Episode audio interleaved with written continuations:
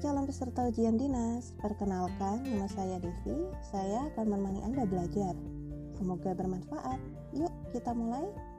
Sekarang kita masuk ke materi pengetahuan perkantoran. 3. Manajemen arsip elektronis. Komputerisasi dokumen telah mengubah cara pengarsipan informasi dengan memberikan kecepatan dan ketepatan dalam penyimpanan, pencarian, penemuan kembali hingga pendistribusian dokumen dalam organisasi. Sehingga fungsi dokumen sebagai sumber informasi dalam pengambilan keputusan dapat dioptimalkan. Namun, dalam modul ini sistem pengarsipan elektronis tidak dibahas terlalu mendalam karena sebagian besar organisasi masih banyak menggunakan manajemen arsip manual. C. Pengelolaan arsip dinamis. Menurut undang-undang, kearsipan penyelenggaraan arsip dinamis dilaksanakan untuk menjamin ketersediaan arsip dalam penyelenggaraan kegiatan sebagai bahan akuntabilitas kinerja dan alat bukti yang sah berdasarkan suatu sistem yang memenuhi persyaratan 1. Andal 2. Sistematis 3. Utuh dan 4. Menyeluruh Pengelolaan arsip dinamis meliputi 1. Penciptaan arsip 2. Penggunaan dan pemeliharaan arsip dan 3. Penyusutan arsip Warkat yang akan disimpan atau diarsip dipersiapkan lebih dahulu melalui kegiatan sebagai berikut 1. Pemeriksaan arsip pada tahap ini dimaksudkan untuk memastikan apakah arsip siap untuk disimpan. Perhatikan, apakah sudah ada instruksi untuk disimpan atau file simpan atau perintah-perintah lain yang berlaku di kantor untuk menyimpan. Hal ini dimaksudkan untuk memeriksa apakah surat-surat tersebut masih akan diproses atau tidak. Penelitian lain yang perlu dilakukan yaitu apakah warkat-warkat itu ada lampirannya atau tidak. Dan sekaligus apakah lampiran-lampiran itu akan disimpan tersendiri atau digabungkan dengan warkat lainnya, misalnya tidak digabungkan dalam satu masalah pokok dan disusun menurut kronologi.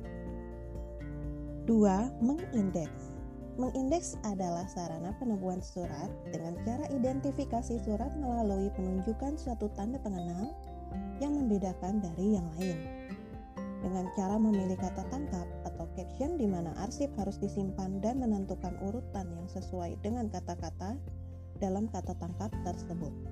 Contoh, pada sistem abjad, kata tangkapnya adalah nama pengirim, badan-badan, lembaga-lembaga negara, dan seterusnya. Pada sistem numerik adalah angka, pada sistem geografi adalah nama tempat asal surat, nama tempat yang dituju. Sedangkan kata tangkap lainnya, jika perlu digunakan kartu tunjuk silang. Kartu tunjuk silang adalah kartu yang dibuat untuk mencari arsip dengan cara membuat minimal tiga buah kartu yang isi dalam setiap kartu merupakan tanda di mana arsip disimpan, sehingga kartu tunjuk silang akan menambah pekerjaan. 3. Memberi tanda atau pengkodean. Pengkodean dimaksudkan memberikan tanda. Tanda diberikan pada kata tangkap dapat berupa garis, atau lingkaran dengan warna mencolok atau apa saja yang memudahkan menyortir dan menyimpan surat. Dan apabila surat tersebut akan dipinjam, kita akan mudah menyimpannya kembali. 4. Menyortir arsip yang sudah diindeks. Menyortir arsip yang sudah diindeks adalah mengelompokkan surat-surat untuk disiapkan ke langkah terakhir, yakni penyimpanan. 5. Menyimpan arsip arsip atau warkat yang sudah diolah seperti tersebut di atas, selanjutnya disimpan sesuai dengan sistem filing yang dipilih dan ditempatkan pada tempat yang telah ditentukan atau gedung arsip dan diatur secara rapi. Peralatan penyimpanan arsip antara lain A. Filing cabinet yakni tempat menyimpan arsip terdiri atas laci-laci yang tersusun setiap laci mempunyai daya tampung 5000 lembar kertas yang disusun vertikal ke belakang. B.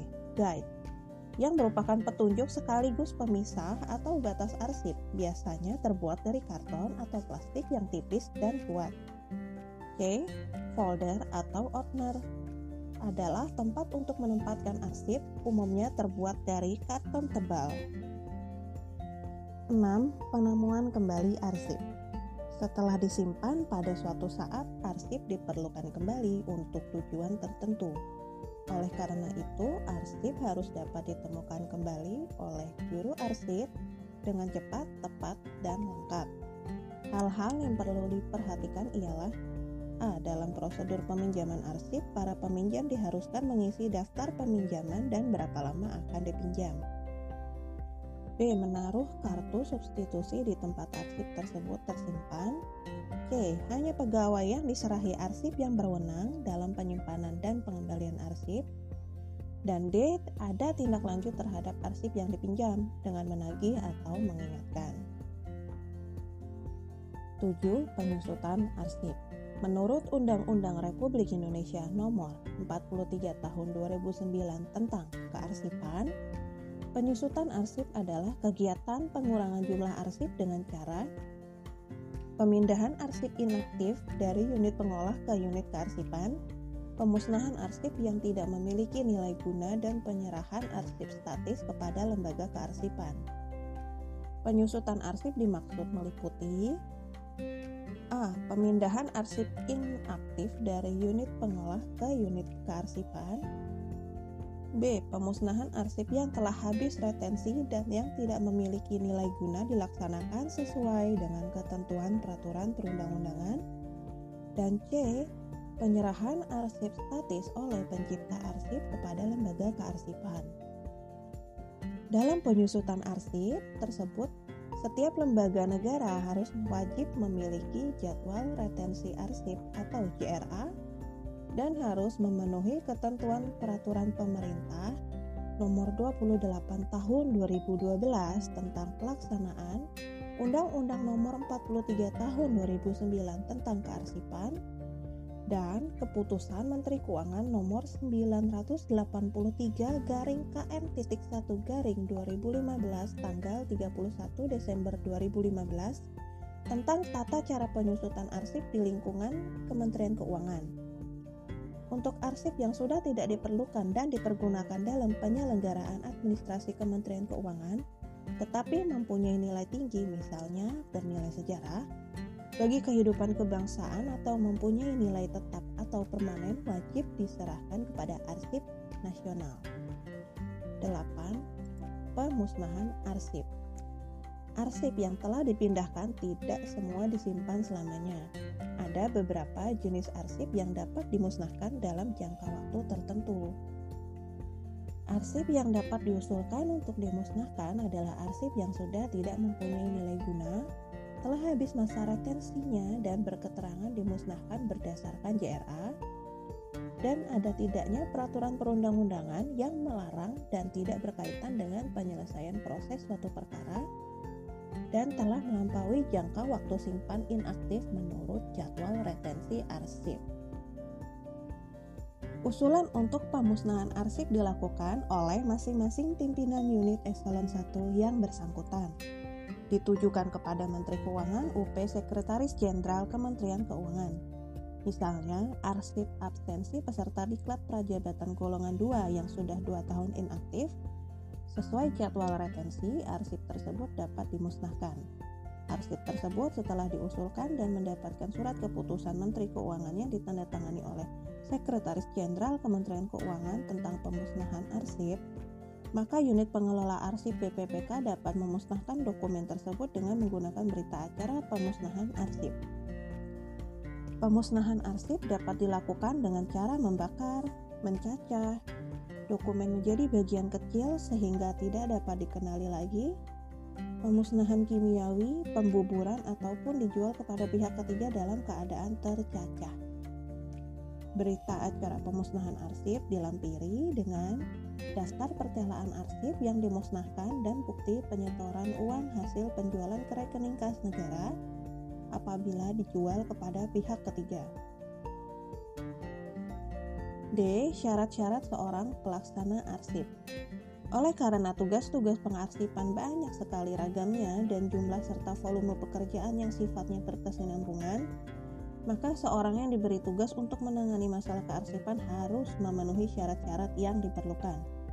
Seorang pelaksana arsip harus melaksanakan penyimpanan segala warkat, menyiapkan semua warkat setiap kali diperlukan, dan mengumpulkan serta menyatukan semua warkat yang mempunyai kaitan satu dengan yang lain, sehingga menjadi satu riwayat yang lengkap. Syarat-syarat yang paling utama bagi seorang pelaksana arsip adalah mempunyai minat kerja di bidang kearsipan, mempunyai pengetahuan tentang organisasinya, mempunyai ketelitian, kerapihan, ketekunan, kecermatan, dapat menyimpan rahasia organisasi, dan mempunyai pengetahuan tentang kearsipan. Nah, demikian sesi belajar dengan saya. Jangan lupa kasih penilaian ya di akhir sesi mata pelajaran ini. Selanjutnya akan diteruskan oleh teman saya. Semoga sukses. thank you